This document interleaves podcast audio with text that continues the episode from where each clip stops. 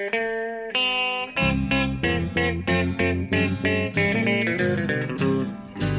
out there, we're on the air. It's hockey night tonight. Tension grows, the whistle blows, and the puck goes down the ice. The goalie jumps and the players bump, and the fans all go insane. Someone roars, Bobby scores at the good old hockey game.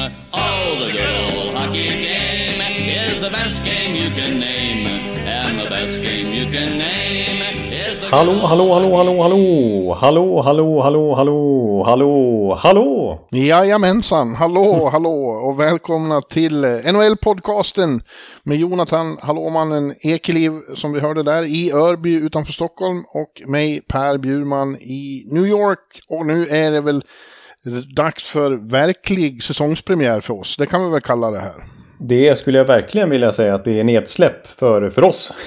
Ja, vi, har ju, vi hade lite försäsongsmatch där i Stockholm för några veckor sedan när jag, när jag var hemma då och, och vi satt i studion på redaktionen eh, och körde ett sommaravsnitt. Men det var ju mer en, en teaser kan vi väl säga. Exakt, för det, det är nu vi drar igång säsongen 22-23 på riktigt ju. För att eh, Ja. det, det är den här klassiska tiden för oss i alla fall när det ska göras preview-avsnitt och vi ska gå igenom respektive division och så här. Vi har ju hämtat oss, får vi ändå säga, verkligen sen det där maratonavsnittet i juli. Eh, Ja. Nu ska vi liksom zona in ännu mer på lagen eh, här i, i nästan en hel månad innan det, innan det är nedsläpp i, i, i verkliga NHL så att säga. Yes, och nu är det mer normalt. Vi slipper kameror, det är åtminstone jag glad för. Eh, jag har, som jag påpekade redan då, ett, ett utpräglat eh, podcastutseende, radioutseende. Ska inte vara i, i bild. Nej, jag, jag kan säga detsamma om mig själv. Men jag tyckte, bara, jag tyckte åtminstone det var trevligt att sitta mitt emot face to face. Även Ja, jag, det var såklart. såklart. Eh, Hade de bara slagit av kamerorna hade det varit eh, underbart. ja, just det. Just det. Ja, det går att leta upp någonstans på Sportbladet om ni vill se hur, hur det gick till när vi satt eh, liksom, eh, i, i en studio på riktigt. Då. Nu är vi liksom mer vana att ha en Atlant emellan oss så att säga. Ja, nästan. Det är en ocean. Ja. Eh, Ja, men du, har det hänt något med dig sen dess? Ja, du har flyttat in i en ny... eh, Du har ju återvänt till, eh, till Örby. Du är en...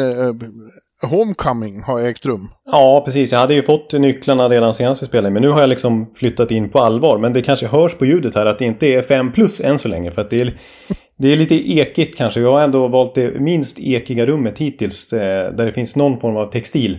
Eh, är, jag sitter alltså i sängen och spelar in det här.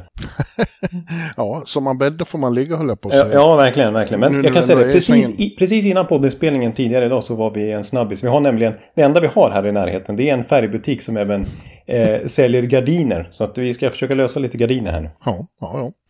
ja själv har jag då återvänt till eh, USA efter en månad i Sverige. Det var ju väldigt trevligt att få komma hem och träffa folk och träffa dig. Och vi hade ju en, en gloriös fest med Sportbladet. 20-årsfest eller 22-årsfest som det blev då i och med att vi inte hade kunnat ha den under pandemin. Och Ja, det var ju en, en utomordentligt trevlig kväll. Det var det verkligen och, och massa gamla Sportbladet-profiler. Alla möjliga var ju där. Det var eh, över 80 personer var med på den där festen. Så det var inklusive då Per Bjurman från New York liksom. Så att det var, ja, det var, det var fantastiskt. Ja, det var väldigt roligt också att eftersom jag eh, jobbar härifrån då, och väldigt många på sportredaktionen är ju sådana som, eh, huvuddelen av redaktionen syns ju egentligen inte i tidningen utan det är ju ni kämpar i, i kulisserna som ser till att allting, att det kommer ut sportblad. Ja. Eh, och många av de här har ju då för mig varit bara röster och namn. Och nu fick jag koppla ihop dem med ansikten i väldigt många fall. Det var väldigt eh, givande tycker jag. Ja, en sån som Jörgen Källström som varit omtalad i den här podden tidigare till exempel. Som väl har smackat ut som man säger Per Bjurman-texter på morgnarna i många år. Ja, men det är, ja, han, han var ju en sån. Och andra som har liksom jobbat med ett decennium. eh, Så, eh, Martin Björkman och Ludde och, och eh, Olle Stefansson. Och så. Det var väldigt trevligt eh, Ja. att- att få ett ansikte. Ja, exakt sådana här som jag stöter på eh, dagligen men som inte är så kända utåt då. Ja. Men eh, ja, ja, det var en eh, rolig fest. Onekligen. Ja. Mm. Ja, det var en parentes. Nu har jag som sagt återvänt och eh, det känns verkligen i mitt liv som att, att eh, NHL eh, står för dörren. Jag, eh, jag har skakat liv i bloggen igen. Jag håller på med min stora preview till, eh, till just bloggen och den eh, ser ut att bli 80 000 tecken lång. Jag, jag, alltså, 80 000 tecken. Ja. jag, jag gör i skrift vad, vad vi eh, kommer att göra nu i verbalt. Jag går igenom lag för lag med allt som har hänt och vad jag tror om dem och tippar och så. ja. Och så ska vi ju då, vi har precis fått utlagt på oss vad vi ska göra till eh, vår traditionella NHL-bibel. Som ju kommer lagom till säsongstarten också. Ja, precis. Den ska gå i tryck någon gång i början av oktober. Så innan, innan pucken släpps så ska den finnas i butik också, NHL-bibeln. Den blir faktiskt, det kan jag avslöja, extra tjock i år. Den blir rekordstor. Ja, jag med höll jag på att det... Nej. Nej, det är tvärtom. Jag håller Nej. på att försöka ta hand om mig lite grann. Ja, jag har hört det. Jag skickade några sms eh, till dig och då svarade du att ja, du, har varit, du är ute och går och du har eh, lagt om eh, till lite annan diet, eller hur är det? Nej, nej, nej. vi ska inte överdriva det här. Jag kör lite med hantlarna här. Är, ja, ja, ja. ja, men det är bra, det är bra, det är bra. Ja, det är training cap även för dig helt enkelt. ja, det, faktiskt. Jag håller på med en träning. Jag har, jag har faktiskt kört ett pass här precis innan vi börjar spela in. Så jag har lite eh, vad heter det, mjölksyra i armar och ben faktiskt. Jaha, okej. Okay, okay. Det här hade du inte räknat med. Nej, det hade jag inte räknat med. Det är lite, det är kanske en halvt flåsig Per Bjurman här som sätter sig vid poddmicken. nej då, nej då. Så nej. Jag, jag, jag, kommer, jag vaknar till kan man ja, säga. Bra. bra. Men du, eh, vi återgår till NHL-bibeln då. Det, det, är alltså det här magasinet vi gör inför. Och det blir jättetjockt och det blir väldigt bra och, och, och spännande. Men det blir också väldigt mycket jobb för oss med det den kommande veckan här. Ja, det här är nästan, äh, ja kanske i alla fall för mig. Du jobbar ju stenhårt, äh, spe speciellt i slutspelstider. Så här. Men för mig äh, blir det extra mycket jobb när, när även NHL-bibeln läggs på. Det är ordinarie jobbet för mig så att säga. Och, men för dig, du ska ju skriva väldigt många texter. Ja, ja, ja, ja. nu blir jag stressad nu säger så. Vi, vi hoppar över det.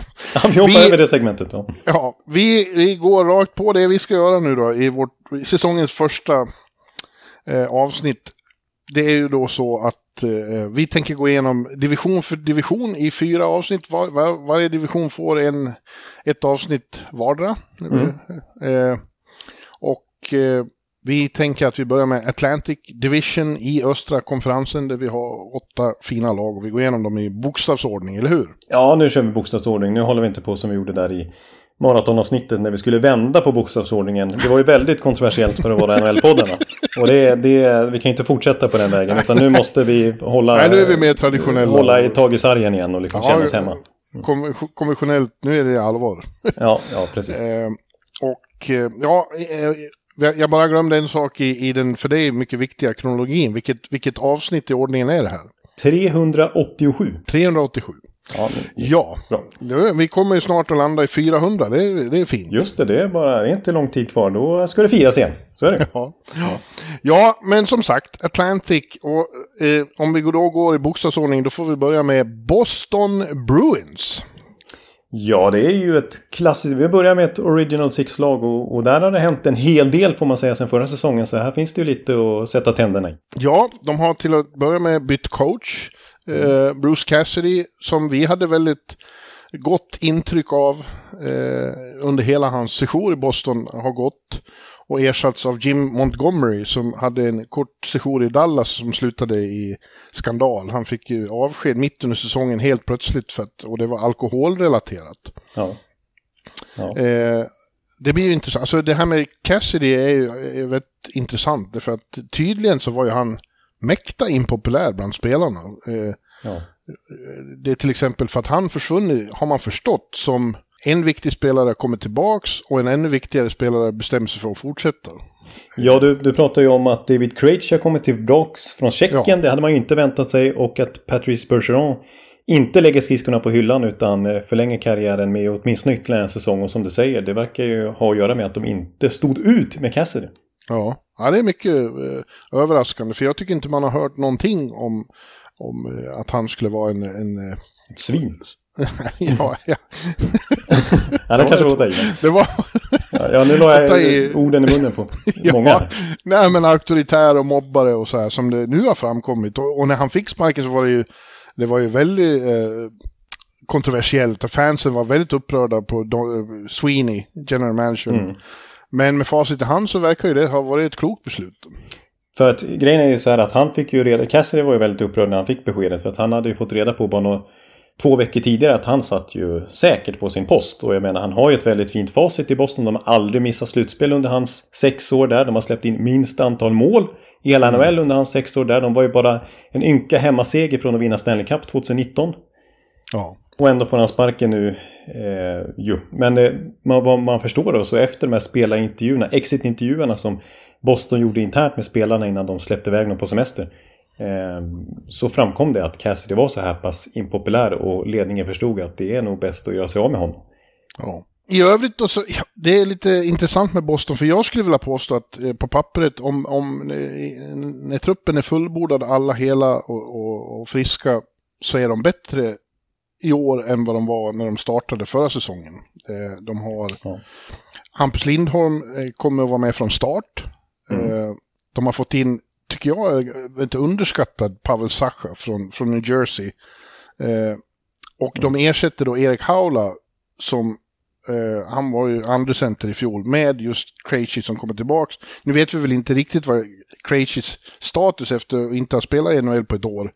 Men, uh, men av, av vad vi känner till så är han ju ett lyft på den punkten. Alltså de saknade ju en andra. Det har ju varit en, en, en långbänk i Boston men, men nu, nu, nu känns det bra. Ja, han har ju fin kemi med Pasternak och, och eh, hade väl lite grann med Taylor Hall där också innan han eh, lämnade. Eh, och gjorde faktiskt en fin säsong för två år sedan kan man säga i Bostons hans avslutande där. Sen i Tjeckien, han gjorde ju nästan en poäng per match där men det var det många som gjorde i tjeckiska ligan. Jag kollade upp deras poängliga här inför avsnittet och före Krejci i den tjeckiska poängligan hittar man till exempel Erik Torell och Oskarshamnsvärvningen Ahti Oksanen. Så ja. det känns inte som att Krejci åkte hem och dominerade liksom. Nej, nej men nej, som sagt, man vet inte riktigt. Men, men å andra sidan är han, har han ju liksom en, en, roll han känner till i Boston och en omgivning han känner till. Ja. Eh, eh, han är liksom hemma här. Problemet för Boston är ju, det har vi redan varit inne på, att de får starta säsongen utan väldigt viktiga pjäser. Eh, mm. Alltså, eh, Charlie McAvoy som är 1A-back, även Hampus där, eh, och Brad Marchand. Ingen av dem kommer att spela tror man förrän i december. Och Matt Grillchick, eller hur man nu uttalar Grizzlick skulle jag Grizzlick. säga. Men jag är ju absolut ingen expert, men det är mitt, mitt uttal. Grizzlick, ja. ja han, I november tror man att han kan starta. Och det är inte hundra att Bergeron är med från början heller. Han har problem med en armbåge han. Ja, det är och, ju, ja, det är ju, det är ju oerhörda tapp. Ja, det är inga spelare som, som sitter vid sidan utan att det märks, eh, om man säger så. Nej. Eh, Nej, så risken är att eh, de eh, kan gräva sig en liten grop här från starten. Det vill till att de håller sig flytande.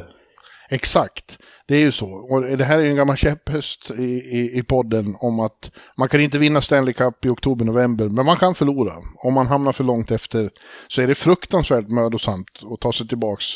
Det, det har vi ju sett många exempel på, och senast i fjol då, eh, New York Islanders. Ja. Eh, så det är... Det, det, krävs verkligen att de som spelar nu i början eh, gör ett oerhört starkt, att liksom alla, all, men, säger man, all hands on deck. Ja, ja. Och, och hålla ihop det tills, tills de här kommer tillbaks. Gör de det, om det lyckas, då tror jag Boston blir ett väldigt bra lag och ett, ett hot. Ja, för de får ju ruggiga förstärkningar då, vad det lider så att säga. Om de, ja. om de håller sig flytande fram till dess och sen liksom boost på boost så att säga. Ja. Eh, och det, det, vi nämnde Jim Montgomery här i början. Det är trots allt en ny coach och försvarsspel har ju funkat extremt bra under Cassidy. Alltså släppt in minst antal mål under alla dessa år.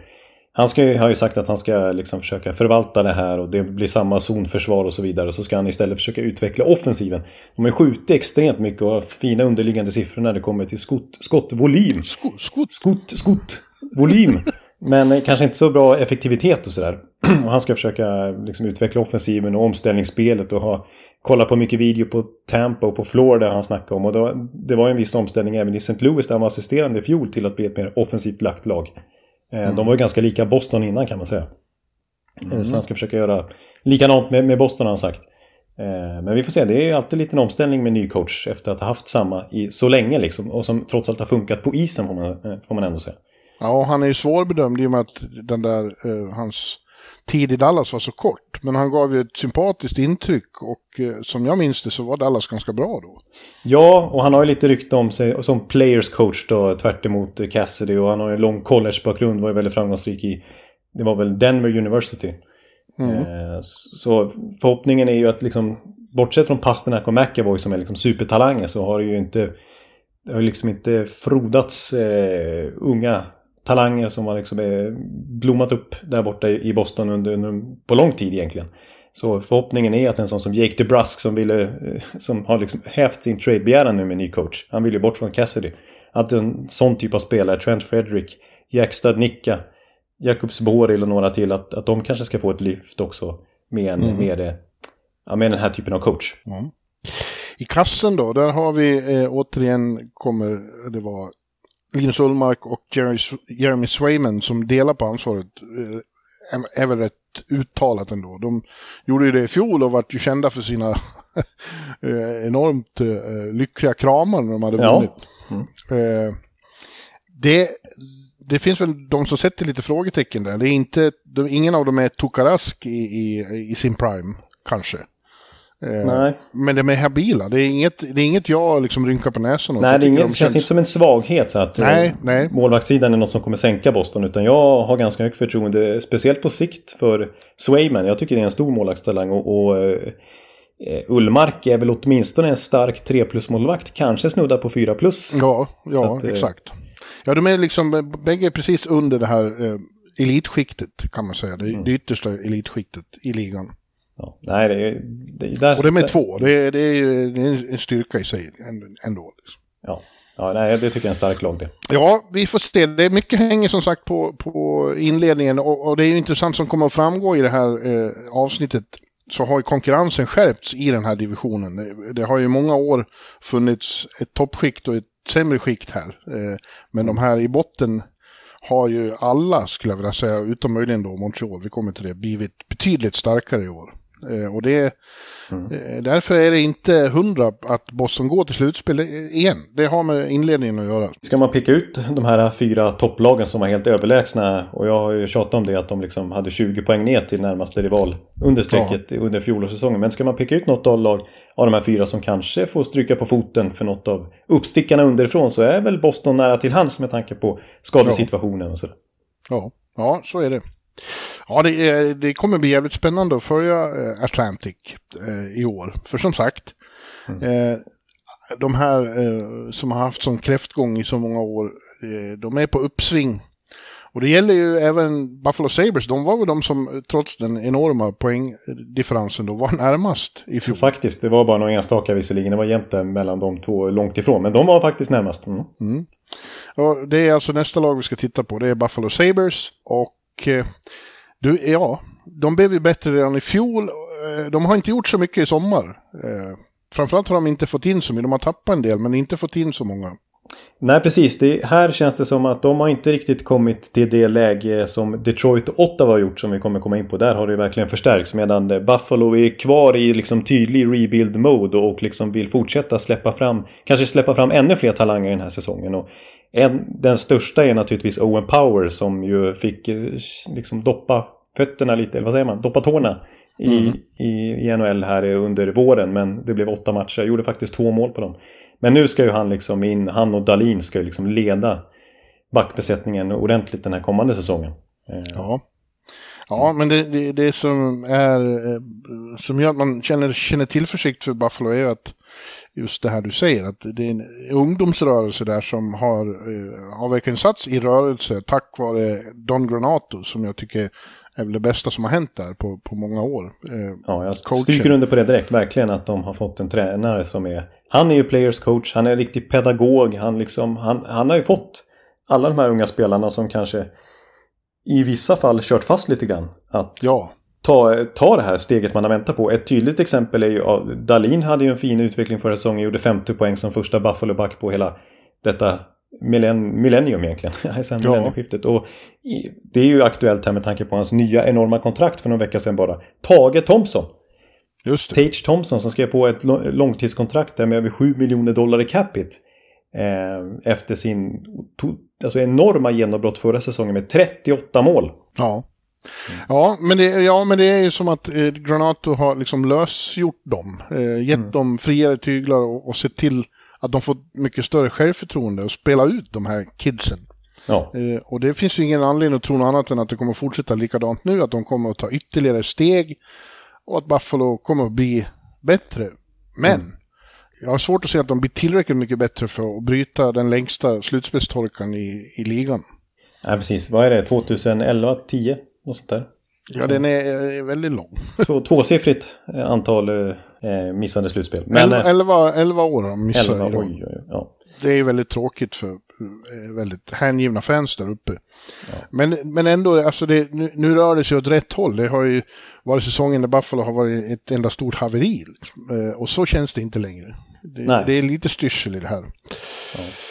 Eh, ett problem är igen då konkurrensen runt om är hård och eh, målvaktssituationen ser fortfarande väldigt dubiös ut. ja. det, det satsas igen på gamle, gamle Craig Anderson och nu ska han avlastas av Eric Comrie. Som sammanlagt har gjort 28 NHL-matcher på sex år. ja, precis. Det är väl den kanske tydligaste signalen om att de inte trycker på gasen direkt än. Utan, Nej. utan att det, det väntas med det. Eh, Craig Anderson gjorde det faktiskt helt okej. Okay. Han, han, skulle ju lägga av och sen så ringde han väl typ själv upp till Buffalo i princip. Eller hur det nu var. Sa att han, eller de ringde väl till honom på chans eller hur det var förra sommaren. Han, okej, okay, då kan jag väl spela ett år till ändå. Nu blir det ytterligare ett år. Han är alltså 41 år. Eh, och Eric Comrie, ja, vi har ju sett målvakter slå igenom liksom efter, jag menar, Ville Husso till exempel i, i, som nu har skrivit ja. för Detroit som vi kommer in på. Han är faktiskt 27 år efter idel säsonger i AHL och Jordan Binnington och alla möjliga som, som har, Ben Bishop hade ju en ganska många år innan han blev en riktig NHL-målvakt. Så jag räknar faktiskt inte bort Eric Comrie för det var en stor talang en gång i tiden. Och har väl gjort det okej okay i AHL och ibland i NHL sådär. Men, men det är ju mycket att hoppas på att han ska leda dem till slutspel så att säga. Han kanske inte ens okay. Eh, är den som står flest matcher. Kevin Adams eh, menar att han har identifierat liksom en, en oslipad diamant där. Att det skulle vara en av de bättre backup-målvakterna i ligan. Eh, kanske han rätt, kanske han sett något som inte vi har sett. Nej, alltså, jag kommer ihåg i Winnipeg de, en gång i tiden nämner, i alla fall. Ja, du nämner Ville Husse, han kommer ändå till ett färdigt vuxet lag som, som är, eh, har fastare former än vad Buffalo har. Då är det nog lättare. Ja, här, det... kommer, här kommer han ju få bära eh, laget i vissa matcher. Ja, precis. Nej jag, nej, jag håller verkligen med dig. Men jag vill bara för att tydligare understryka liksom det som Adams är inne på. Så han var ju som sagt då en stor talang en gång i tiden och en gång hette det liksom att eh, vem av Hellebuck och Hellebucken och Comrie ska vara den som blir liksom den stora målvakten i Winnipeg. Eh, de var nästan på samma nivå i hype en gång i tiden. Så att, eh, sen har deras karriärer tagit olika vägar sedan dess får man verkligen säga. Eh, och jag säger inte att Comrie kommer bli någon Hellebucken. Men eh, det finns ju viss eh, potential där, absolut. Ja, ja. jag tror att Buffalo inte går till slutspel i år heller som sagt. Men jag tror att de blir bättre. De blir ändå bättre än i fjol. Eh, den här, eh, de här kidsen kommer att bli ännu bättre och bli svårare att spela mot. Och det ska ju bli väldigt spännande att se att, så som Rasmus Dahlin, han är inte ens i närheten av början av sin prime men, men var ju till och från riktigt jäkla bra i fjol. Ja, Verkligen, verkligen. Jag är lite spänd där också på dynamiken med Owen Power, liksom vem som ska få spela första PP och sådär. Om det här kommer hämma Dalin eller om det tvärtom kommer lyfta honom och hela Buffalo liksom. Eh, det är ju ett lyxproblem att ha två first overalls liksom. Supertalangbackar. Men jag hoppas att för Dalins skull och för Buffalos skull att det verkligen eh, båda två verkligen höjer sig. Och att ja. de får en riktig one-two punch kan man väl säga på backsidan. Ja. Ja, men som du nämnde Tage Thomsson, det finns ju även framåt liksom. En sån som Victor Olofsson ju, har ju också liksom han hade inledde förra säsongen med en skada som hämmade honom väldigt och han fick inte igång målskyttet förrän i slutet. Nu är han frisk och hela med från början och det är ju en sniper om vi någonsin har haft den.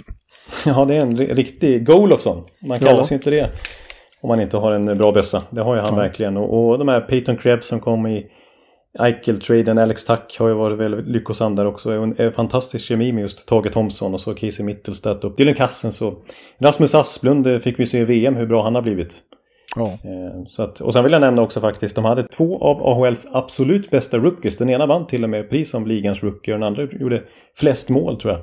Eh, Jack Quinn och JJ Peturka, en tysk faktiskt, som väntas verkligen få chansen att slå sig in i truppen de också. Så det, det är också en del förklaring till att de inte har liksom fyllt på mer utifrån utan de, tvärtom så kan de ju liksom bygga vidare från AHL-laget här. Eh, och ge, ge de spelarna chansen som verkligen har slagit igenom där nere så att säga. Det kommer inte att bli 25 poäng till strecket. Nej, det tror inte jag heller. De kommer inte vara någon strykpåse. Man åker inte bara till Buffalo och hämtar poäng som man har gjort tidigare år. Nu blir det lite tuffare. Ja, ja det, det ska bli roligt att följa dem.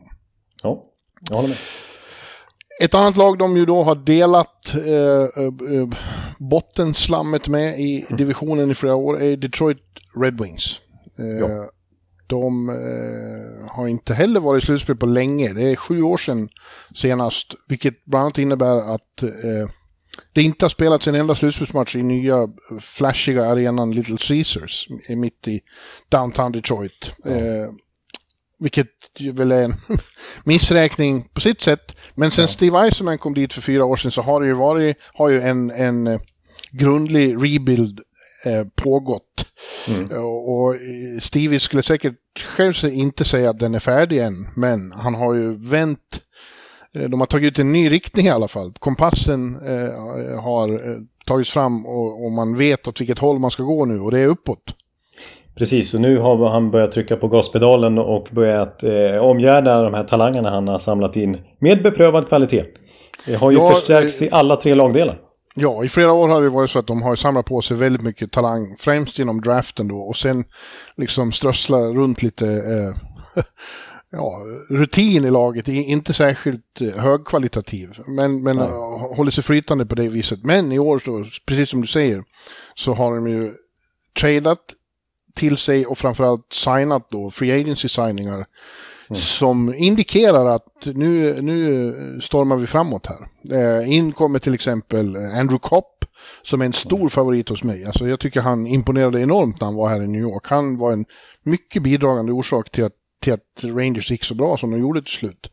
Ja. Eh, även David Perron då eh, i efter sin tredje session i St. Louis, jag glömde att säga det, du, du är för Örby vad, vad, vad David Perron är för jo, St. Det, Louis. Det är en, ja, jag köper den liknelsen. Ja. Återvände hela tiden. ja, ja, precis. Eh, han kom in och han hade en väldigt fin fjolårssäsong, gjorde väldigt mycket mål och han får med sig också då Ville Huss och målvakten Eh, inkom även eh, Dominic Kubalik från Chicago och Ben, ben Cherot från eh, backen från, från Florida och Olle Mäte. Eh, och samtidigt kommer det in ytterligare unga killar och Simon Edvin, Edvinsson eh, kommer nu på campen och ska försöka ta en plats. Ja, precis. Och många tror väl att han kommer lyckas. Han kommer ges alla möjligheter i alla fall på campen att visa upp sig och bli ordinarie bland sex backar. Och jag menar, där har de ju Förra säsongen slog ju Moritz Seid igenom med dunder och brak och blev faktiskt redan nu en, en värdig första back i NHL och vann ju Calder Trophy till exempel. Så att, och, tänk om Simon ja. Edvinsson kan ha, kanske inte en liknande utveckling men också bli en riktigt stor back för dem. Snabbt, vem vet? Ja, Moritz kan hjälpa honom. Han vet nu vad som behövs för att göra en lyckad rookie-säsong. Ja. ja. Och eh, ja, jag har ju redan varit inne på det här att jag tror att eh, jag tror lite på Detroit. Mm. Nu som sagt är det andra lag här som vi kommer till snart som har rustat kanske ännu bättre. Eh, men jag tycker att det här känns som ett väldigt intressant lag med, med att de här Copper Peron och Cherot, eller hur säger man nu? Ja, Cherot. Ja kan staga upp det här. För att det, det, var ju lite, de började ju bra i fjol Detroit, men sen var de väldigt som ett ungklubb. De var inte så svåra att spela mot andra halvan. Eh, Nej, det var ju matchen när de släppte in tvåsiffrigt. Ja, de, de, släppte in för mycket och gjorde för lite mål framåt. Ja. Eh, men, och, men det här kommer ju att ge en helt, helt annan stadga samtidigt som de yngre har blivit eh, ett år äldre och vet. En sån som Lucas Raymond vet ju vad som väntar nu. Och, Mm. Vet vad det innebär att spela 82 matcher, inte bara första halvan. Han var ju lite signifikativ för det som du sa också att de mattades av ju länge säsongen gick. Hans produktion gick ifrån en poäng per match till lite färre. Eh, ja, men det, det är ju så otroligt vanligt med, med rookiesar som aldrig har spelat så mycket hockey förut som man gör en, en grundserie i NHL.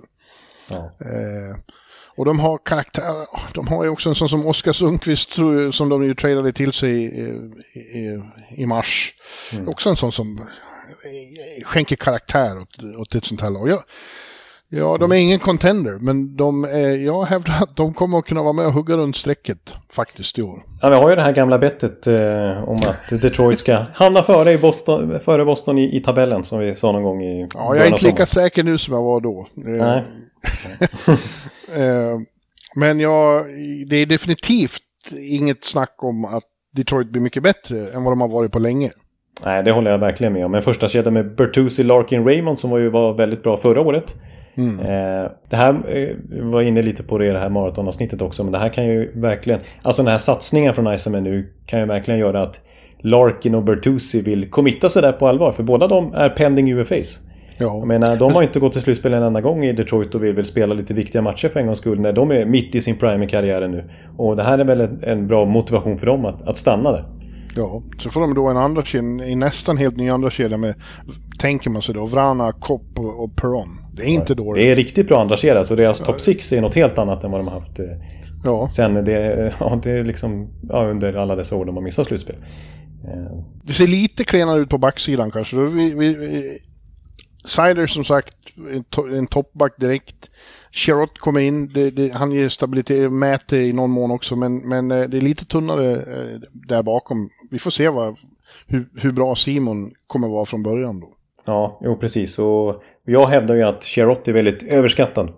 Ja. Att han har blivit överbetald. Att, att det, det liksom, han var ju väldigt bra i det här Montreal-slutspelet när de gick till final och han spelade med Shea Webber. Men då var det ju egentligen Webber som var väldigt bra och Sherrott fick liksom en väldigt fin cred tack vare Webber så att säga. Okej, okay, okay. ja det eh, kanske är, men, men han känns ändå som liksom eh, just vad det gäller så här mer stadga så känns det som en bra plugga in där i, i, i den här backbesättningen. Ja, jag, vill, jag, vill, bara lägga till det bara för att fortsätta här. Var lite elak mot eh, Sherrott men Tampa utnyttjade det i den finalserien och gick alltid in på på eh, sida och inte Webbers sida och kom alltid in väldigt enkelt i anfallszon då. Och så utnyttjar man det även sen i Florida-serien när han blev tradad dit och de svepte ju Florida och de och hade liksom svängdörrar där på Sherrotts sida. Så jag vill hävda att eh, nej, det är, ingen, det, är inte, det är ingen superback utan han lever på renommet han fick tack vare Webber.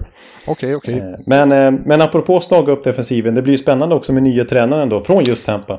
Jag skulle just komma till det, ja. apropå Tampa. De har ju eh, John Coopers högra hand de senaste åren.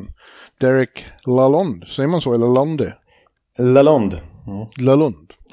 ja, han är rookie som huvudcoach då. Eh, mm. Men har ju, eh, har ju varit i, i, i en vinnarkultur, milt uttryckt, de senaste fyra åren.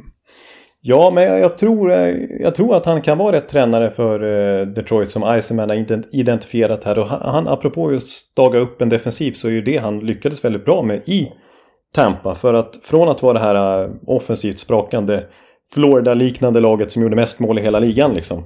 Eh, mm. Till att eh, göra typ inte mest mål i ligan utan så här, äh, jag vet inte vad Tampa hamnar men kanske åttonde flest mål i ligan och snarare tät defensiv och bra boxplay och sådär. Eh, och mer struktur. Det har ju mm. Lalonde varit högst bidragande till. Han har ju varit ansvarig för boxplay till exempel. Och Detroit hade ju, de hade väl sämst boxplay i hela ligan förra säsongen och släppte in näst flest antal mål. Så mycket av Detroits nyckel handlar ju framförallt om defensiven, att få mycket bättre struktur. Och där tror jag att Lalonde, vi får se som huvudansvarig, men alltså det är ju hans specialitet i alla fall. Ja. Ja, eh, eh men det ligger också något i att eh, du, du nämnde Iceman där. Han, jag tror han är väldigt bra på att liksom eh, identifiera bra coacher. Ja. Blashill var ju aldrig hans man. Det var inte han som hade anställt honom. Man väntade bara på att eh, rätt för det kommer Stevie och hitta den coach han vill ha och då är det godnatt för Blashill. Ja, precis. ja, ja. Eh, vi får också se då, eh, Ville Husse som sagt är deras nya eh, första Morris. Uppbackad av, av han från Carolina. Alex eh, Nedeljkovic. Ja, eh, och det tycker jag känns som ett okej okay målvaktspar också. Eh, båda var lite ojämna, eh, men eh, om Husso kom upp på, på sin högsta nivå i, under året i St. Louis, när han ju faktiskt konkurrerade ut Binnington ett tag. Mm, och fick starta slutspelet. Ja. Mm. Så och det är, framför, är klart mycket bättre än vad de har haft de senaste åren. Mm. Men jag håller med, det är en osäkerhet alltså. 57 NHL-matcher i karriären och får nu ett kontrakt på nästan 5 miljoner dollar per säsong efter att ha blivit då till slut petad i slutspelet. Eh, till förmån för Binnington, eh, som ju tog över första spaden då till slut. Eh, men ja, det man såg i alla fall under stora delar av förra säsongen var ju väldigt lovande när han stängde igen butiken totalt i vissa matcher. Ja. Så vi får se. Det är, en, det är trots allt en liten chansning. Ja, ja men eh, ja, ja, ja, jag har positiva, jag får positiva Man ska komma ihåg att det, eh, när man håller på att tippa så här, man, man utgår så mycket från vad som hände förra året eh, såklart. Man har inget annat att utgå från. Mm. men det händer ju alltid saker, att det är lag som eh, plötsligt få ett genombrott. Och så sitter vi här om ett år, då kommer vi se, ja men Detroit ju till topplag, det vet vi ju. Ja. Eh, eller, eller något annat liksom. Och, och, några som vi räknar som topplag kommer och, och, och gör fiasko också. Ja, så är det. Något av de här fyra kommer säkert eh, tappa en del. Och det är ju skitsvårt att, att, att förutse. Men man ska ju vara medveten om att eh, några man håller som väldigt bra inte kommer att vara väldigt bra. Nej, men nu var det visserligen en sensation att Montreal gick till final förra sommaren. Men de slutade alltså sist året därpå. Ja. Så att det, det, det kan verkligen svänga. Det kan det verkligen. Men eh, ja, eh, jag säger... Eh, de, de kan bryta sin playoff-torka. Det kan vara dags för stora matcher i, i den där fina hallen som ju du har varit med och sett. Ja, den är väldigt fin. Så att eh, jag applåderar om fler får åka dit och spela slutspel. Om de, om de fansen där får se slutspelshockey för en gångs skull igen. Ja, jag, jag, skulle vilja åka. Det var, jag brukade ju ligga på rull till, ja. eh, till eh, Detroit. Men på senare år har det varit väldigt sparsmakat med besök där. Ja. ja. ja eh, nästa lag vi tar oss en titt på här är då fjolårets President's Trophy-vinnare, Florida Panthers. De vann alltså grundserien men sen blev det inte alls något roligt i slutspelet. De tog sig visserligen med möda förbi Washington i första omgången. Men sen åkte de på stora superproppen av värsta rivalen Tampa i fyra raka. Ja, det, det får vi gärna ja, poängtera. ja, ja eh, och på det reagerade General Mansion eh, Bill, Bill Cito väldigt mm. starkt. Jag, jag, skulle nästan vilja påstå att han överreagerade. Ja, jag skulle definitivt kalla det här för en överreaktion. Mm. Ja. ja, det är intressant för att vad är det som kännetecknar de två senaste Stanley Cup-mästarna? Jo, att deras klubbledningar har haft tålamod, fortsatt mm. tro på coacher och spelare även när det har gått åt skogen, när de har, det har varit riktigt svårt.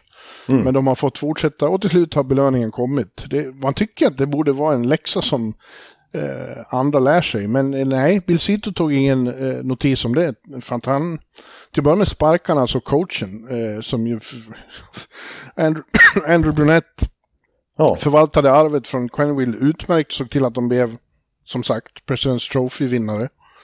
Eh, mm. men får ändå gå, bara för att eh, ett slutspel gick åt skogen. Ja. han tradade också bort Jonathan Huberdo tillsammans med Barkov, lagets bästa spelare. Och backen Mackenzie Weegar. Ja. Och sen, och sen då får sådana som Giroud, Charot, Marchment, de får bara gå. Ja, de, de, de försvinner på freedet-marknaden. Mm. Ja, ja, nog är det svårt att inte se det som en överreaktion.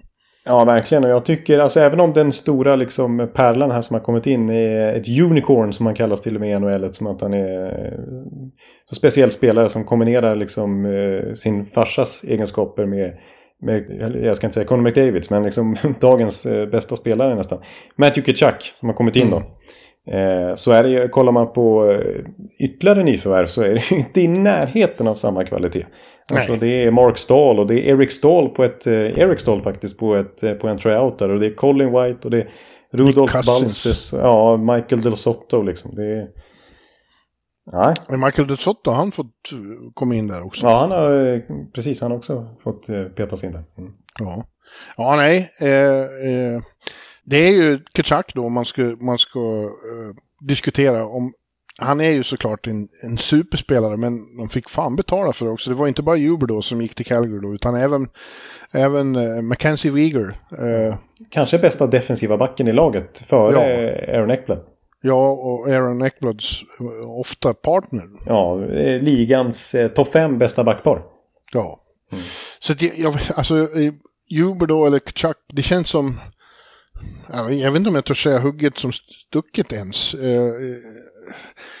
Ja, de tror ju att Kachak kommer att göra mer nytta då, att han kommer att och bidra med egenskaper som de anser saknades i slutspelet. Att det är mer liksom, ja, han är skicklig men samtidigt väldigt tuff och hård och fysisk och, och kommer under skinnet på motståndarna och så. Mm. Men eh, gör han verkligen mer nytta än, än den bästa playmakern som finns på en kant? Ja, han är nog den bästa playmakern av ytterforwards. Åtminstone. Kanske ja, man kan motivera det i hela NHL senaste säsongen som att han vann assistligan.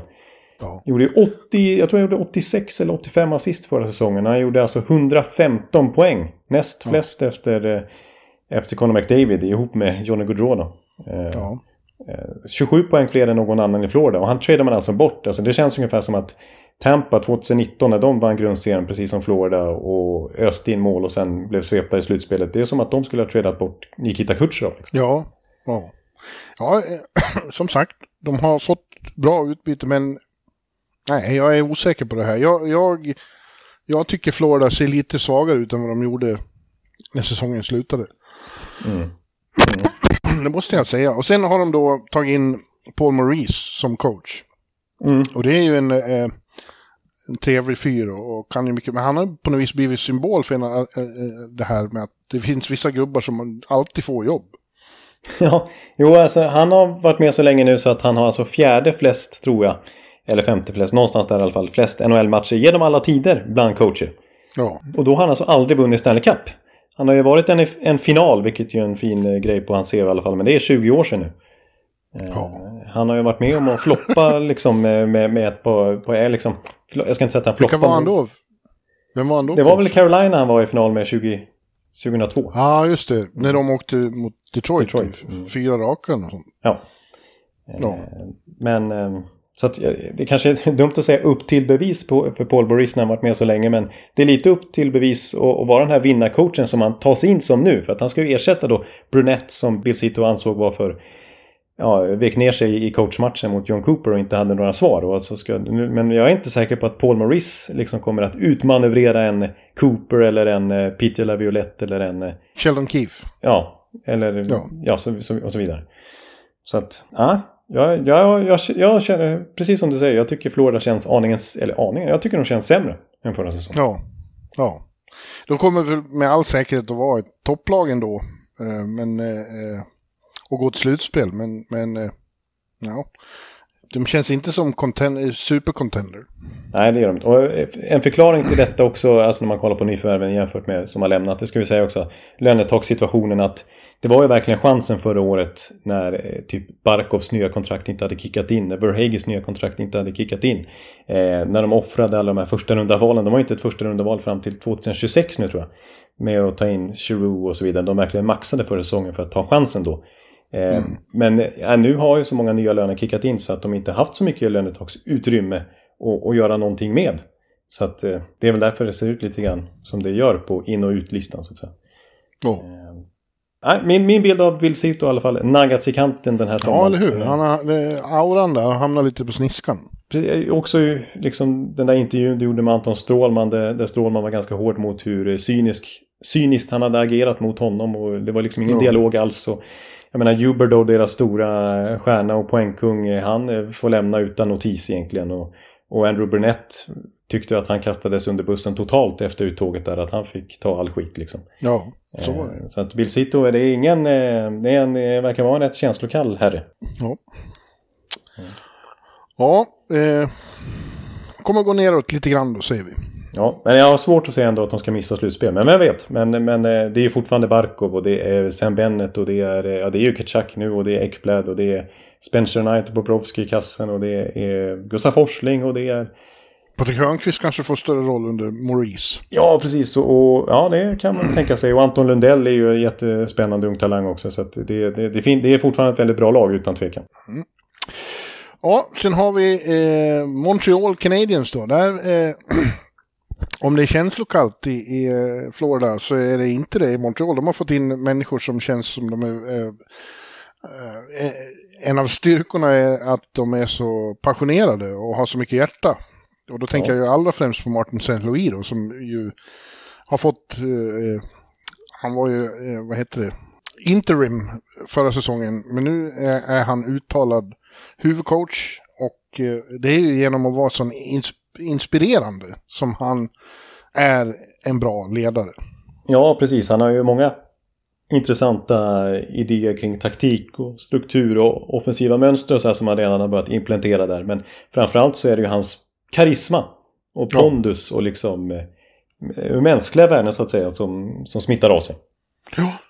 ja, eh, och det blev ju ett lyft när han kom in förra säsongen och nu är han med från början och jag tror att det eh, kommer att ge mycket positiva utslag. De kom ju sist i hela ligan i fjol till slut. Ja. Och, och vann draftlotteriet. Det var ju lyckat.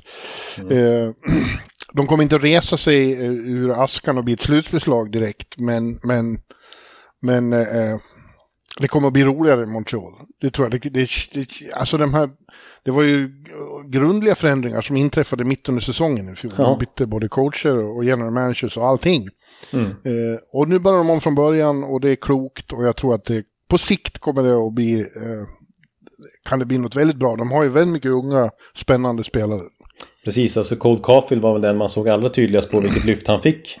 Han ja. fick när Saint Louis kom in. Eh, Nick Suzuki blev ju lite bättre då också och, det är väl lite symboliskt att han nu har blivit utsedd till Montreals yngsta lagkapten genom alla tider. Ja. Eh, liksom ytterligare ett avstamp i, i den här rebuilden för när vi pratade i Montreal inför förra säsongen, previewn vid den här tiden i fjol, då var det ju ett lag som precis hade varit i Stanley Cup-final som sagt och, och som hade plockat in fler veteraner. Det var Mike Hoffman in och det var David Savard in till exempel. Snacka om skillnad nu. Nu är det ju verkligen uttalad rebuild. Ja, ja verkligen. Eh, men det där att de gick till den här finalen, det är nästan så att det gjorde mer skada än nytta. Så det, det, det gav en bild som inte var sann av vad laget var för någonting.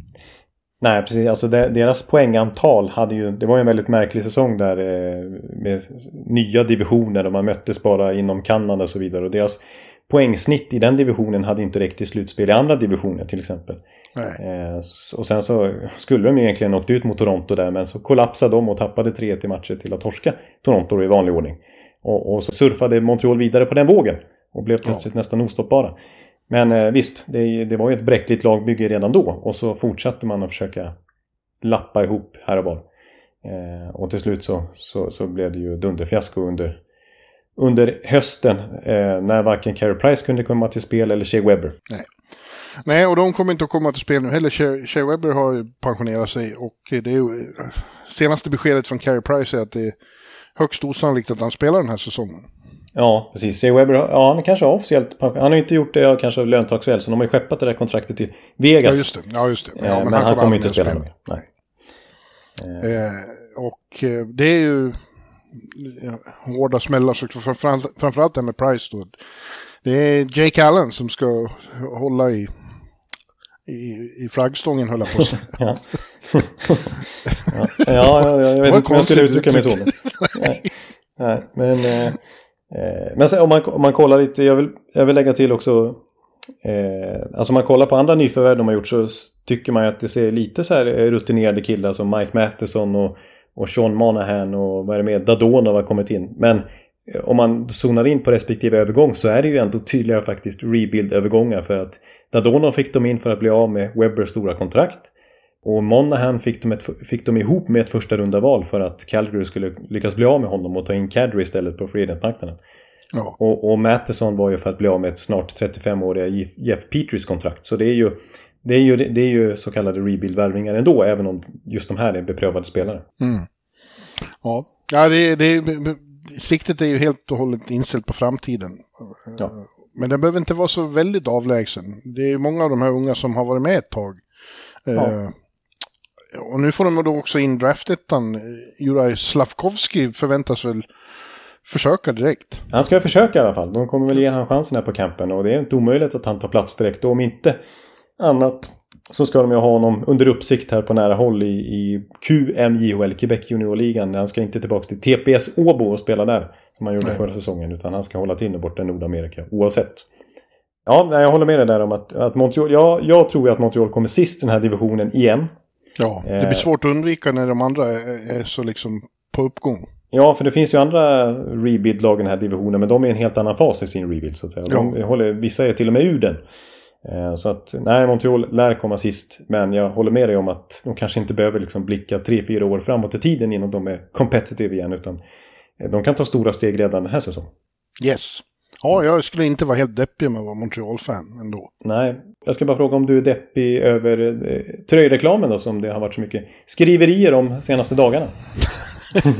jag vet inte om jag skulle säga att jag är deppig. Jag tycker det finns allvarligare saker i, i världen just nu som, eh, som stör mig mer. Ja, jo. Eh, men eh, ja, det är väl synd. Nu, nu såg jag, det är inte precis, de kommer inte se ut som eh, Oskarshamn precis. Nej, det är inte så här eh, Ica Maxi en... stormarknad över hela tröjan. Utan... Det är en liten logga. Och visst, det är tråkigt att den här barriären bryts. Det är det ju. Mm. Men det var inte, det är inte, det är inte så att man kommer att sitta och störa sig på det. Eh, Nej. Den där lilla, man kommer ju knappt att se den. Nej, jag håller med om det. Jag tänker så här, jag vet inte om det här är en bra jämförelse, men man är liksom i internationella toppfotbollen så har ju lagen liksom en reklam på bröstet och den tycker jag inte man stör sig så mycket på. Så länge det liksom stannar där så tycker jag att det där går, ja. Då är inte min gräns passerad så att säga. Nej, det får inte bli europeisk hockey liksom de ser ut som tivolin och åker omkring. Nej, det då, då har det gått alldeles för långt. Så att vi hoppas att det stannar här. Men en liten logga där på bröstet, det, det, det, det går, det, det, går an för mig så att säga. Ja, ja eh, det blir... Eh, ja, nu kommer jag av mig helt. Men eh, det, blir, det blir en okej okay säsong i Montreal, men de kommer sist i alla fall. Ja. Deras granne däremot, eh, ja, granne och granne, det tar ett tag att åka mellan Montreal och Ottawa, men det, de är ju del, delvis i alla fall provins. Mm. Eh, det är då Ottawa Senators och där har vi ett lag som man tänker oj oj. ja det är oj oj, om det är något som är oj oj den här säsongen, eh, den här off-season som vi har bakom oss så är det väl eh, Ottawa där som ska få den, det epitetet. För att eh, där har de, det kanske är det lag som har förstärkt allra bäst. Ja, Ja, det kan man, det kan man nog faktiskt säga. Mm. Eh, de, de lyckades till exempel få en spelare som inte ska gå att få. En 24-åring som vid två tillfällen har gjort 41 mål. Eh, sådana släpps ju inte på marknaden. Och de, de, lag som har lyckats få fram en sån spelare håller, alltså värderar det som man värderar dyrbara juveler. Liksom. Men ja. Chicago har ju bestämt sig för någon slags super-rebuild eller bränna ner allt som finns. För att ja, rebuild det duger nästan inte som uttryck i deras fall. Nej. Nej, det är total kross för att bygga något helt nytt. Så därför vart Alex DeBrinket tillgänglig på marknaden och Ottawa lyckades eh, knipa honom. Det är ju en jackpot. Liksom. Ja, och, och, det är utan att behöva göra sig av med en enda rosterspelare. Alltså de har ju väldigt många unga spelare vi kommer komma in på här som är, som är spännande. Men de var inte Chicago intresserade av utan de ville bara ha draftval. Ja, och jag det... menar, ja, det är, det här är, jag håller verkligen med om en jackpot. Att få en, en så ung sniper, verkligen. Ja. Eh, så ändå inom situationstecken billigt. Det är ju fantastiskt. Det är häpnadsväckande vad det Samtidigt kommer då Claude Giroux hem. Eh, Philadelphias mångårige kapten som gjorde en eh, session där i, i Florida. Inte stannade utan han kommer från trakten så han kommer hem och kommer säkerligen att vara inspirerad. De får in Cam Talbot som målvakt och nu precis innan vi började spela in så blev det också klart att de har signat Tyler Mott eh, på ett, oh, några år tror jag. Mm. Och eh, det stärker upp bottom six då. Han var ju eh, klart han hörde också till de här som hjälpte Rangers att bli mycket bättre efter trade deadline. Han och, han och eh, Bertrand och, och, och, Kopp mm. som, som gjorde stor skillnad för Rangers. Och eh, att Rangers bara låter honom gå, det tycker jag är väldigt konstigt. Eh, han kommer ju stor nytta för Ottawa. Mm. Eh, och eh, ja, som du säger, det här är ju pangförstärkningar. Ja, alltså deras framförallt forwardsuppställning nu är ju jag vet inte om toppklass är magstarkt men det är nog toppklass i NHL skulle jag vilja säga. Framförallt topp 6 men även bottom 6 med Tyler Mott som du är inne på ett antal andra spännande spelare som Matthew Joseph som de fick från Tampa förra säsongen och, och Alex Fermenton och så vidare. Men vi, vi ska ju stanna till allra främst på topp 6 då. Där de dels ju har sin eh, första kedja från förra säsongen intakt. Eh, med Brady Kachuk, lagkaptenen. Med Josh Norris som här all, under sommaren skrev på ett nytt åttaårskontrakt. Och eh, Drake Batterson som är en personlig favorit till mig som snittade en poäng per match förra säsongen. Jo, så att eh, ja. det, det, är en väldigt stark kedja. Och så den här nya andra kedjan som kanske är första kedjan nu. Med Alex DeBrinket, Team Stützle som också skrev ett åttaårskontrakt här, häromdagen bara. Ja. Och eh, då... Och, och Euro. Ja. Ja, nej, det är, det är... Något sånt har de inte haft i Ottawa på, på åtskilliga år. Nej, alltså visst de var i konferensfinal när Erik Karlsson tog dem dit. Men mm. då, det var inte med den här typen av forwardsuppställning. Det här är ju klasser bättre än det. Ja. På backsidan ser det lite eh, tunnare ut. De har sin superstar där i Chabot som vi alla fantasy-spelare älskar för att han, han loggar så enormt mycket minuter. Ja, exakt. Alltså, han är en av de som lirar absolut mest i hela NHL. Ja. Eh, och sen är det... Eh, vad heter han, Sub, ja. Hammonick och Erik Brännström och så kommer Jakob Larsson från, från Anaheim om han kan sno en plats där. Ja. ja. man får väl säga det att när man går igenom namnen på backsidan så är inte det alls samma dignitet som eh, framåt. Och här har det inte hänt så mycket när det kommer till nyförvärv heller. Eh, det, det, pratades om John Klingberg, det pratades om eh, eh, Jake Chychren till och med, det pratades om Mackenzie Weegar och så vidare. Men eh, det blev egentligen ingenting eh, så här tydlig förstärkning. Nej, och i mål då så eh, har de blivit av med Matt Murray. Vilket ja, jag inte tror att någon förstärkning oavsett vem som skulle komma in.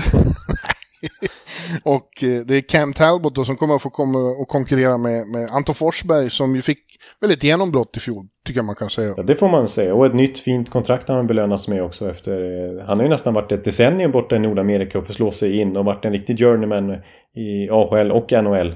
Och till slut lyckats eh, ja, verkligen etablera sig här nu i Ottawa. Och, och sett till många statistikkolumner så var ju han på övre tredjedelen i NHL förra säsongen. Alltså han var ju en, en riktigt bra målvakt förra mm. året. Mm. Ja, så ett, eh, ett, ett väldigt mycket, eller ja, ja, jo jag säger väldigt mycket starkare Ottawa kommer till start i år och eh, kommer att göra det tuffare för, för konkurrenterna runt omkring dem och ha chans att ta sig till slutspel. Ja, det håller jag verkligen med om. Jag skulle, jag skulle bli förvånad om de inte är med i, det, i, i racet åtminstone ända in i april. Ja, eh, ja, ja. Det, det ja, vad roligt för, för det har ju varit deppigt i, i, i Ottawa länge liksom. Sen nedmonteringen och, och Erik blev skickad till San Jose och så. Sen dess har det inte varit något kul alls där uppe. Eh, och. Pierre Dorian har inte stått högt i kurs, men nu gör han. De kallar ju det här The Summer of Pierre. ja, först. Vi var ju lite cyniska där i somras och konstaterade att han har ju kanske fått lite friare tyglar nu och, och var den riktiga Pierre Dorian när inte Eugene Melnick håller honom tillbaka. Och det ja. beror ju på ett tragiskt dödsfall. Ja. Eh, men eh, vi har ju inte varit så, så snälla med The Late Eugene. Eh, det, har, det var en väldigt stormig ägare. Ja, men honom kan vi lämna det här. Nu, nu har det varit The Summer of Pierre. Och Eh, han håller också fast, ska man notera, coachen DJ Smith som de flesta av oss tycker känns som med. Ja. Men eh, de, har, han, de gillar honom väldigt mycket på det. Eh. Ja, ja, han har gått renommé där verkligen. Bland både spelargruppen verkar det som och högre upp i kedjan. Ja, mm. ja och, och lyckas, lyckas det här så kommer ju både han och Dorian och har stärkt sina aktier väldigt. Ja. Ja, verkligen. Jag vill, jag vill säga också en spaning apropå Ottawa som... eh, en som ekelivsk spaning. Ja, den här, den här får jag däremot tillskriva Mike McKenna, den gamla Journey-målvakten. Mm. Eh, som har börjat skriva för Daily Face-Off ju. Som ja, ju, eh, vi träffades i, genom Scott Burnside i, i Vegas i, i Ja, det var under uh, All-Star. Mycket trevlig man, Mike ja. McKenna. Mike McKenna, ja, en gammal målvakt alltså. Eh, och, och, han skrev en krönika häromdagen. Det var väl efter Tim Stützles jättekontrakt här då. Eh, när han skrev drygt 8 miljoner dollar per säsong i 8 år. Och det börjar gälla först nästa år. Så man skriver ju det här eh, kontraktet proaktivt får man verkligen säga. Alltså, han... han eh, ja, ja. Jag tror rubriken var att Ottawa är symbolen för de nya NHL-kontrakten som innebär att man betalar för potential och inte för meritlista. Som det alltid har varit. Ja, eh, du, du får dina pengar liksom proaktivt och inte retroaktivt. Får man väl säga. Alltså det, det, för nu ser vi kanske inte lika många sådana här Andrew Ladd haverier, kontrakt och David Backes och Frans Nielsen och för räkna in Louis Eriksson där också och några till. Liksom, alltså, det finns ju massor med exempel på, på spelare som har blivit överbetalda i, i 30-årsåldern och sen liksom, eller överbetalda, ja. men sen inte liksom levt upp till det för att de har ju blivit äldre helt enkelt. Ja. Eh, medan vi nu ser, eh, förut var det aldrig så att man betalade en 20-åring 8 miljoner dollar när han bara gjort, bara inom citationstecken gjort 58 poäng. Liksom, som Stützle i det här fallet.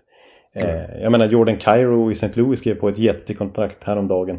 Jag har sett ja, det är, det är en intressant spår, det är ju sant. Ja. Vet du vem som är bäst betald i ligan den här säsongen?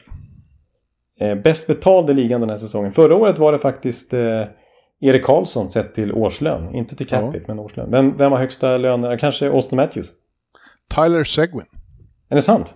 Ja, 13 miljoner. Ja. och det är, det är väl om något vittnar om att det är farligt med långa kontrakt. Precis. Ja, där ser man. Och apropå Tyler Seguin och den här spaningen jag just kom med så eh, det har ju inte just med Tyler Seguin är väl lite liksom Eh, ja, då, dåligt, eh, då, då, dåligt bevis på det. Men, men eh, Dallas äger det här. Eh, apropå de här eh, jättekontrakten som unga spelare skriver nu. Så var ju han, han nämnde inte Jason Robertsons namn vid namn så att säga. Men det var uppenbart han han syftade på. Eh, när han fick frågor om den här, liksom, oj, kolla vad Stützle har skrivit på och, och Josh Norris nyligen också. Så här, och alla de här, alla de här som exemplen vi har radat upp. Eh, och hur, hur, blir det med Jason Robertson ungefär? Eh, mm. och då sa han bara att äh, det är liksom, du har gjort 40 mål i en säsong och plötsligt vill du ha 7 miljoner dollar. Eh, kom igen liksom. Alltså, och han menar ju då att det här att de här unga spelarna plötsligt ska ha stjärnlöner direkt. Det hämmar många andra spelares kontrakt. Att liksom, du, du, ska du lägga så mycket... Ja, det där är ju en filosofisk fråga vad, man, vad man tycker, vem som är värd vad. Ja. Du, vet du vad jag ska göra nu? Nu är det kaffe. Ja, innan vi kommer in på två första kaffepaus. ja, innan vi kommer in på de två avslutande kanonlagen. Ta ja. Prata ja. mer om, om Tyler Seguin. Tyler Seguin?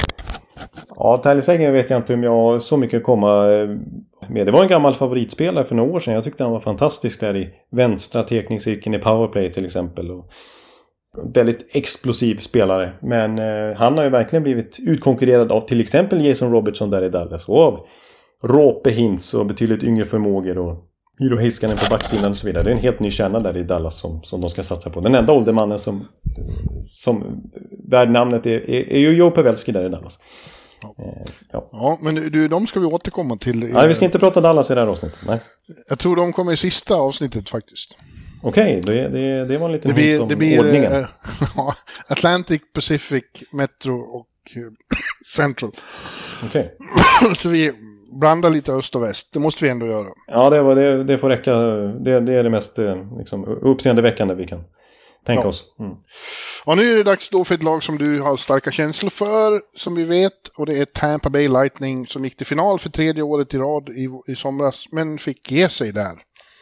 Och eh, ja, jag skulle vilja sammanfatta deras situation som eh, det här året med att nu har verkligheten kommit ikapp även Tampa Bay Lightning. Eh, de har, in, de har inte längre kunnat behålla alla de vill behålla och har därför blivit lite, lite sämre, Jonathan. Ja, det, det kan jag ju inte eh, sitta här och argumentera emot. Det är ju Nej, så. det kan du inte. Min stora gunstling är ju mm. borta. Han har ju tvingats offras och det ville ju verkligen inte Tampa men så är lönetakssituationen i pandemins spår. Eh, Ondrej ja. Palat har försvunnit till New Jersey och Ryan McDonough, en riktig klippa i, i defensiven, har försvunnit till Nashville och Jan Rutta är väl inte, sörjar inte lika mycket, men han har också försvunnit. Ja, han är och, ändå en, en, ja han var ju en, en ordinarie spelare i högsta grad. Spelar ofta med Viktor. Ja, precis. Och om man tittar på nyförvärven in så är inte det i närheten på samma dignitet. Det är Vladislav Namestnikov som är tillbaks och det är Ian Cole, det är Hayden Fleury och Philip Myers. Mm. Eh, och det är ju liksom inte, det är, det är inte André Palat och Ryan McDonough precis. Jag menar, Palat, bara för att understryka då, alltså flest game winning goals i Tampa Bays historia. Och Ryan McDonough, flest täckta skott i Stanley Cup-historien. Ja. Ja, det, det, det är helt enkelt så att eh, Tampa försvagas lite. Inte så mycket så att de har, alltså de har ju kvar fruktansvärt bra spelare i, i, i kärnan. De har Braden Pointer, Kucherov, Stamkos och Hedman och Vasilevski, mm. Sergachev. Eh, det är fortfarande ett väldigt bra lag, men inte riktigt... Eh, sådana där förluster kommer ju att märkas, Jonte. Precis, och ja, eh, Perry och, och Maroon och, och de här, de är ju inte de blir ett år äldre och de var redan gamla, Bellemare och så vidare. De var ju närmare 40 nästan höll jag på sig. Ja. Eh, däremot vill jag säga att kärnan då, de, de viktigaste spelarna som du nämnde där. Eh, det är bara två av dem som har fyllt 30 vid det här laget och det är Hedman och Stamkos. Och båda kommer från sina överlägset faktiskt bästa poängmässiga säsonger i karriären. Så de är inte precis på väg ut för. Nej, det är ingen som tror att Tampa kommer att missa något slutspel eller inte vara med och vi vet vad som kan hända när de liksom vevar igång och får vittring. Eh, det är fortfarande ett, ett livsfarligt lag och de har en av världens bästa målvakter. Mm. Och de har John Cooper i, i båset fortfarande. Eh, han kör sin elfte säsong nu tror jag det blir. Ja, ligans... Eh, han har suttit längst på sin post i hela ligan. Ja. Eh, lite orolig dock för att han blir av med sin högra hand Derek Lalonde. Och har, kommer du ihåg vem det är som, som blir hans nya assistenter? Nej. Jeff Blashill. Ja, kom. Det var ingen fantastisk inte... trade det inte. Nej, men vad roligt för Jeff att få komma till Tampa. Ja, ja. Ja, det, det, den var en, eh, lite av en bomb, men, men eh, de är tydligen goda vänner. Rent socialt är det ganska stor lyft att flytta från Detroit till Tampa, det, det kan jag säga. Ja, det, det, det, det är min känsla också. Ja. Men, eh, så ja. vad, vad, tror vi? Alltså, de har ju som sagt spelat final tre år i rad. De är ju också ganska slitna vid det här laget. Det har varit en lång sommar igen utan... Säsongen varit lång utan att den fick krönas av den triumf de har vant sig vid och drömt om. Tror du de kommer vara revanschsugna eller kommer de att, att inte orka mer? Eh, ja, jag hoppas ju på nummer ett. Men eh, mm. det är klart att, att eh, någon gång borde ju alla de här eh, långa säsongerna ta, ta ut sin rätt på de här spelarna. De har ju lirat enormt många matcher jämfört med konkurrenterna. Ja. Under en lång period här. Eh, så att... Eh, jag hoppas att de fortfarande har lite motivation kvar och det tycker jag det skvallrades om lite grann när den där slutsignalen gick i Emily Arena och jag stod och och, grät? Vi båda, ja, grät gjorde jag i princip. Gjorde du? Eh, nej, det gjorde jag inte. Men, men eh, jag var inte munter när jag såg Landeskog lyfta bucklan, det kan jag säga. Jag tittade i två sekunder och sen vände jag mig och gick. Nej, bua gjorde jag faktiskt inte. Jag visade lite respekt. Buade du Nej, det var inte Bettman som kom ut. Nej, han var ju man med covid. Han. Ja, just det. Nej, nej jag, jag, jag tyckte jag uppträdde någorlunda värdigt.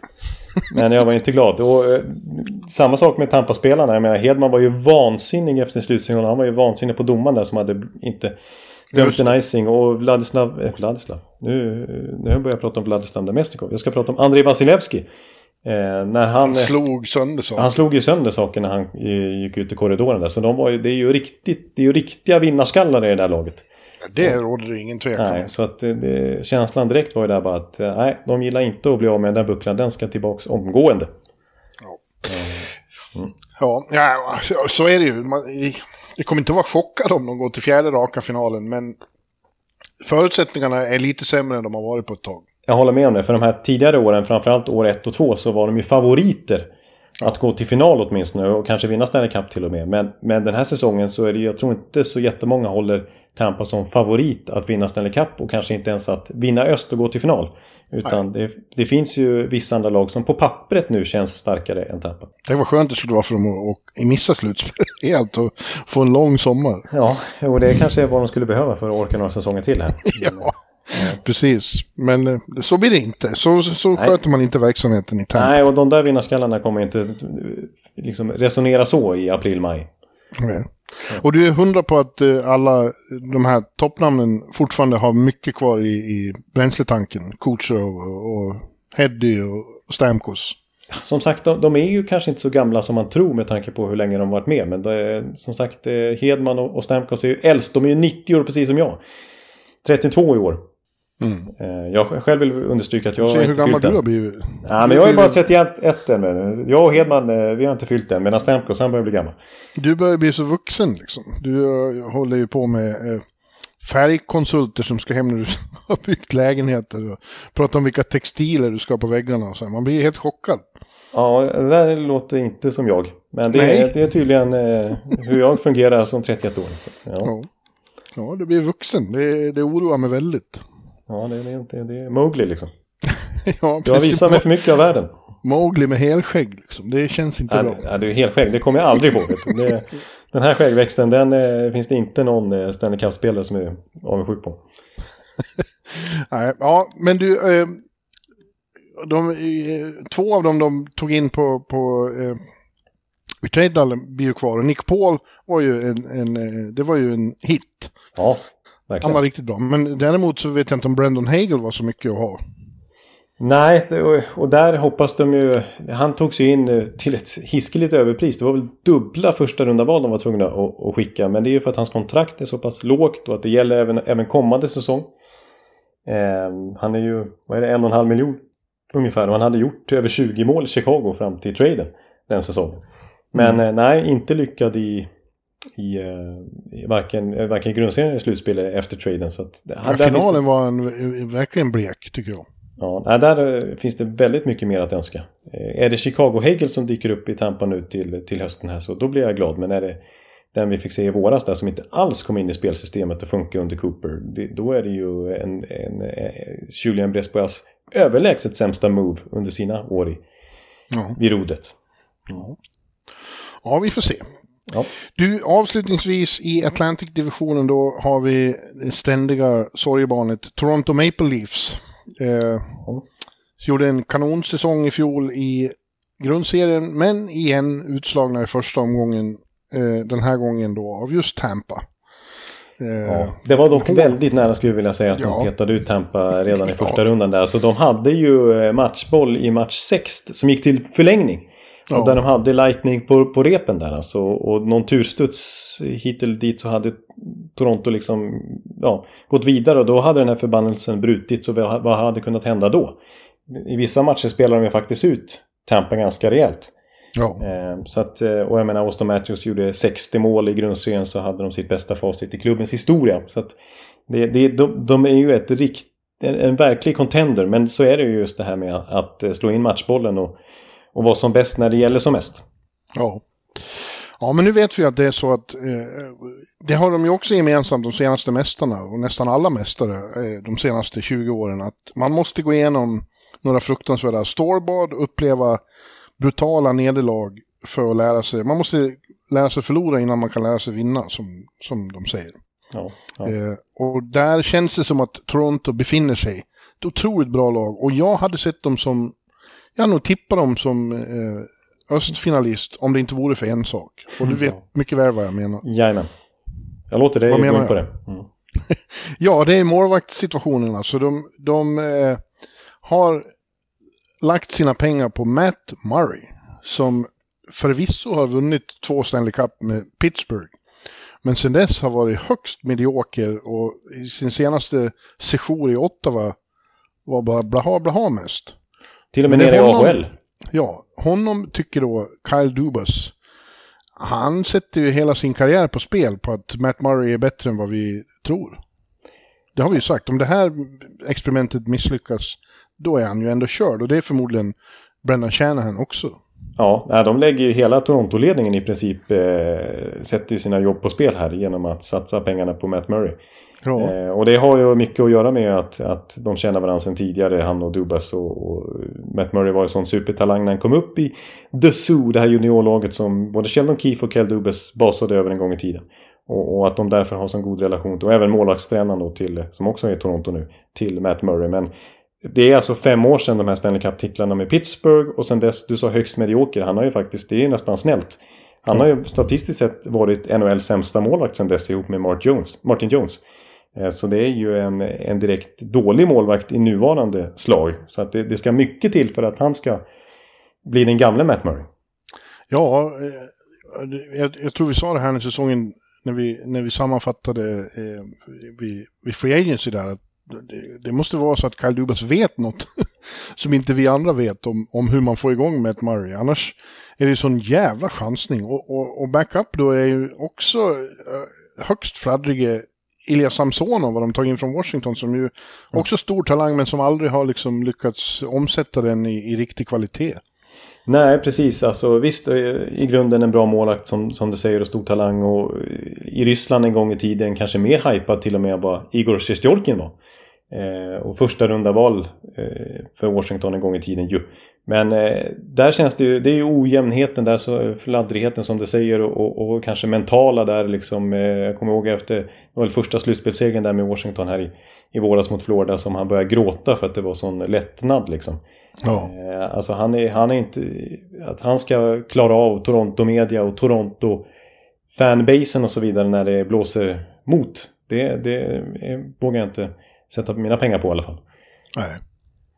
Nej, jag har ju varit inne som du vet på, eh, som får mina sms på en hel kanadensisk final. Eh, det vore så otroligt häftigt. Och då har jag sagt Toronto-Edmonton. Den finalen sk skulle vara ganska het i Kanada om man säger. Det, det kan man väl, eh, det, det, håller jag med dig om faktiskt. Det tycker jag är rimligt att påstå. Men då, då är det ju alltså målvaktssidan som inte får stoppa dem igen här i Toronto. För det, det, Ja, det är ju ett så enormt stort, det är nästan som man inte vill prata om något annat. För det är så stort eh, frågetecken. Liksom. Resten av laget känns ju väldigt starkt och jag tycker det var en fin, ett fint förvärv i Kalle Järnkrok. Eh, städgumman, allt i allon. Ja, han kan nog passa fint där i bottom six och ibland vikariera i top six om det behövs också. Han är ju verkligen en allt i alla och sen så, det har jag väl sagt i något år här nu, men, eh, för några år sedan i alla fall så var ju backsidan en akilleshäl för Toronto. De gjorde, testade mycket nytt där för att försöka få ordning på det. Men idag skulle jag vilja påstå att de har en, en stark backuppsättning. Kanske inte ligans bästa, men en av de bättre i alla fall. Med väldigt Ja, många stabila pjäser. Verkligen. Och Mark Giordano, det tycker jag är ett faktiskt kanske ligans, ett av ligans i alla fall bästa kontrakt på hela sommaren. Eh, och det var ju lite till skänks egentligen för att det var ju så att Mark Giordano som är gammal nu, i 40-årsåldern i princip. Men jag skulle säga att han fortfarande är en bra back i NHL. Kanske en 4 miljoners back sett till värde. Men han vill ju så gärna bo i sitt Toronto här nu så att han eh, gick med på minimumlönen, den minsta man kan tjäna i NHL. Och det är inte synd om honom som får 800 000 dollar. Men det är det minsta, minsta man kan få i NHL och det är långt under hans marknadsvärde. Eh, så att, jag menar, varsågod eh, Toronto.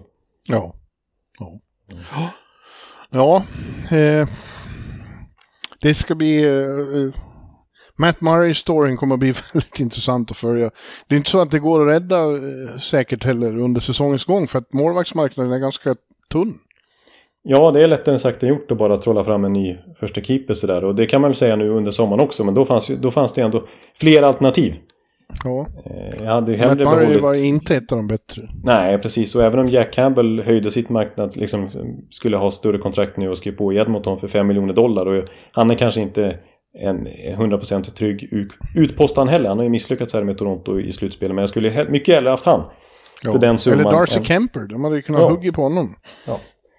Det fanns klart bättre alternativ än Matt Murray som, som ju trots allt får rätt mycket pengar här i, i Toronto också. Ja, ja man- är perplex över det här. Ja, verkligen. Alltså. Nej, jag...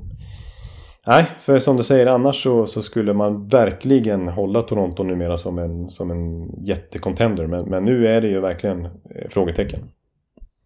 Men, men i grundserien, om vi säger den liksom här i Atlantic. eh, Jag menar, då kommer det räcka. Jag, Toronto är för mig ett helt givet slutspel. Ja, ja det är de. Absolut. Mm. Där är vi överens. Ja, ja. Ja, eh, ja det var det där.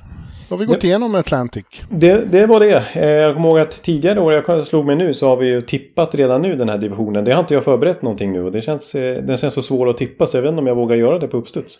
Ja, då gör vi det i, i on the eve av säsongen. Då kommer vi tillbaka med att tippa. Ja, exakt. Då tippar vi alla divisioner på en gång. Liksom i Ja. en, en enda radda. Och ni kommer ju läsa våra tips i, i, i Bibeln och så vidare. Och i din blogg och så vidare också. Ja. Men det, det, åter- det får vi återkomma med helt enkelt. Men, men det var... Säga jag, skulle inte ha något, jag skulle inte ha något emot finalen jag nämnde. Edmonton-Toronto vore ju fruktansvärt roligt. Ja. Ja, det vore ju hysteriskt. Det vore Ja. ju... Det här är millenniets stora final. Ja. Ja. ja. Vi återkommer nästa vecka med Pacific som sagt. Då har vi... det blir spännande också. Då har vi alltså... Vilka har vi där då? Jo, vi har eh, Anaheim, vi har Calgary, vi har Edmonton, vi har eh, Ja, den svenska managers Los Vancouver. Angeles, eh, Seattle, San Jose, Saint, nej inte St. Louis, Vegas. Ja, det blir kul. Då. Ja. Du, eh, apropå ingenting. Det, eh, jag sa det här med att det känns som att eh, det är på gång igen och det känns en enorm kittling eh, för mig och andra journalister här är ju att vi fick besked nyligen om att eh, omklädningsrummen öppnas för oss igen. Just det. Mm. Det kom ett mail från Professional Hockey Writers Association, Mm. Frank Saravelli, vår, vår älskade ordförande. Ja. ja. Att ligan har gjort klart för de 32 lagen att eh, omklädningsrummen måste öppnas efter träningar, efter matcher och alla aktiva spelare göras tillgängliga.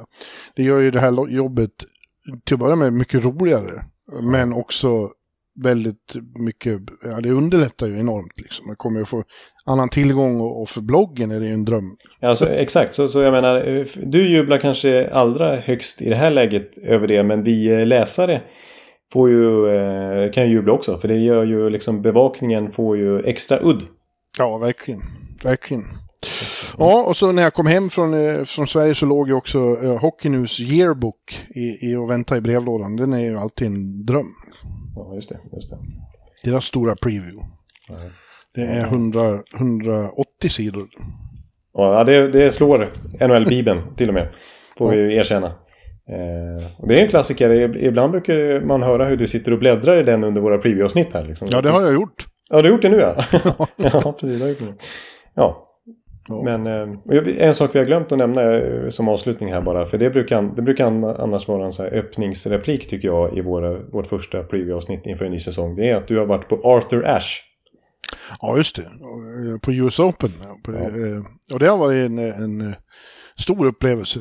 Det var roligare än på många år. Eh, Ja. otroliga, eh, otroliga matcher jag sett med. Först med, med Serena Williams då, men sen fick jag följa norrmannen. Rude. Han blev lika stor idol i New York nästan som Mats Zuccarello. Och, och eftersom han också hade ett U, eller till och med två, i efternamnet så och, vart det en ny norrman som fick eh, höra hur, eh, hur det där låter. I New York. Ja. Ja. Ja, ja, det, var, ja det var kul att, att läsa tenniskrönikören Per Bjurman. Ja, men, men tennis är faktiskt, det visste jag inte innan jag flyttade till New York, det är en grym eh, eh, livesport alltså. ja, Det är jävligt kul att sitta och titta på tennis. ja, Det går väldigt mycket fortare än vad man ser i tv. ja, och det, det faktum att du bevakade det så nära fick med att eh, gå igång lite och titta på matcher och så vidare. Så det var, ja, det var en eh, Ja, roliga tennisveckor. Mm. när det blir dramatiskt då är det ju helt enormt. Ja, ja, och det var ju väldigt många draman där. Ja, det var det. Ja, men du, då är vi igång eh, Jonte. Ja. Eh, och som sagt, vi återkommer nästa vecka igen och hoppas eh, att det här bara var starten på en helt fantastisk säsong för dig och mig och våra lyssnare. Ja, nu återkommer vi en gång i veckan i vanlig ordning fram till eh, juli typ. Så i tio Ja. månader i sträck. Nu kör vi. Ja, det är bara att stå ut med oss. Det är bara, absolut, det är bara att släppa sargen och, och, och hänga med igen. Yes. Ja, men då tackar vi för lyssningen och eh, på återseende nästa vecka. Tack så mycket. Hej, hej! Hej hej! Hallå, hallå, hallå. Hallå, hallå, hallå. Alex Chiazot, Joe Luis Arena och Esposito. Esposito. Uttalsproblem, men vi tjötar ändå. Och alla kan vara lugna, inspelningsknappen är på. Bjuder Hanna Kohl, han är grym i sin roll. Från korrespsoffan har han fullständig kontroll på det som händer och sker. Det blir ju allt fler som rattar in hans blogg. Och lyssna på hans podd. One, two, time, speed, so Hallå, hallå, hallå. One, two, time, speed, so Hallå, hallå, hallå. Ekeliv, som är ung och har driv. Verkar stor och stark och känns allmänt massiv. Han hejar på Tampa och älskar Hedman. Sjunger som Sinatra. Ja, och det ser man. Nu är det dags för refräng. Dags för magi, Victor Norén. Du är ett geni. Så stand up at home and remove your hats. Höj volymen, för nu är det plats. One, two, time, speed, so Hallå, hallå, hallå. One, two, time, speed, so Hallå, hallå, hallå. One, two, time, speed, so Hallå, hallå, hallå. One, two, time, speed, so Hallå, hallå, hallå. Det är otroligt länge sedan båda samtidigt var så här bra. Hallå, hallå, hallå. Det är otroligt länge sedan båda samtidigt var så här bra.